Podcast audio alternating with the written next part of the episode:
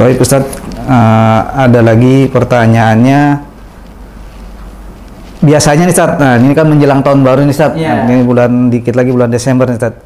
Uh, ada yang menjual trompet atau barang-barang yang berkenaan dengan semisalnya gitu Ustaz, kayak Iya. topi atau segala macam itu gimana hukumnya juga Ustaz?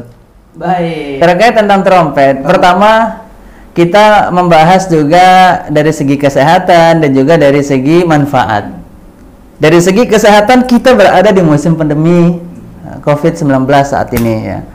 Ya kalau itu apa namanya eh, bahkan ini di luar daripada tahun baru sebenarnya di luar daripada itu gitu ya kan. Ya sa- saat ini ketika penjual itu ingin menjual barang tersebut dia akan mencoba menguji bahkan di dunia kedokteran mengatakan eh, bahwasanya eh, penyakit ini bisa menular dari cairan yang ada di mulut kita ataupun di hidung kita. Maka tentu dalam menjaga diri keluarga kita daripada penyakit tersebut lebih baik tidak kita beli. Kemudian yang kedua, manfaatnya apa? Bahkan itu bisa mengganggu saudara- kita yang sedang istirahat. Iya, tidak mungkin mereka meniup trompetnya itu di hutan, iya, atau di tepi sungai. Tentu dia menghidup, me- meniup trompetnya itu di di tepi rumahnya, depan rumahnya, atau depan rumah orang lain, dan itu mengga, mengganggu. Bahkan di situ mungkin ada yang punya bayi, Iya, atau ada mungkin orang yang sudah tua pengen istirahat, yang yang mana mereka itu sulit untuk bisa istirahat, istirahat, akhirnya terga, terganggu. Bahkan bukan hanya trompet, bah, apa namanya benda-benda yang lainnya yang memang itu tidak bermanfaat lebih baik kita tinggalkan. Karena inilah prinsip seorang muslim. Rasulullah sallallahu alaihi wasallam mengatakan min husni islamil mar'i tarkuhu ma. Eh, Tanda baiknya Islam seseorang adalah dengan dia meninggalkan apa yang tidak bermanfaat untuknya. Taib. Lebih baik uangnya disedekahin.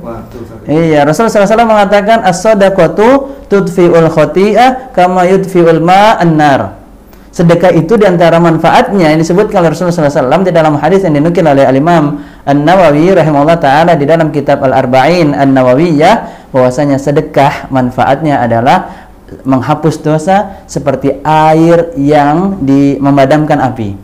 Masya Allah. Kita ini setiap kita pernah melakukan dosa dan tidak pernah lepas daripada doa dosa. Dan itu ditegaskan oleh Rasulullah Sallallahu Alaihi kalau bani Adam khata setiap bani Adam pasti melakukan kesalahan. Maka berupayalah kita dengan harta kita ini untuk bisa menggugurkan dosa-dosa ki- kita. Bahkan dalam hadis yang lain Rasulullah SAW mengatakan wattaqun nar. Wala bisyikki tamrah. Jagalah dirimu daripada siksa api neraka walaupun hanya dengan sepotong biji kurma menunjukkan bahwasanya kita ini harus berupaya uh, berbuat dengan suatu amalan atau dengan apa pun yang kita miliki agar dosa-dosa kita ini diampuni oleh Allah Subhanahu wa taala. Semoga Allah mengampuni segala dosa kita.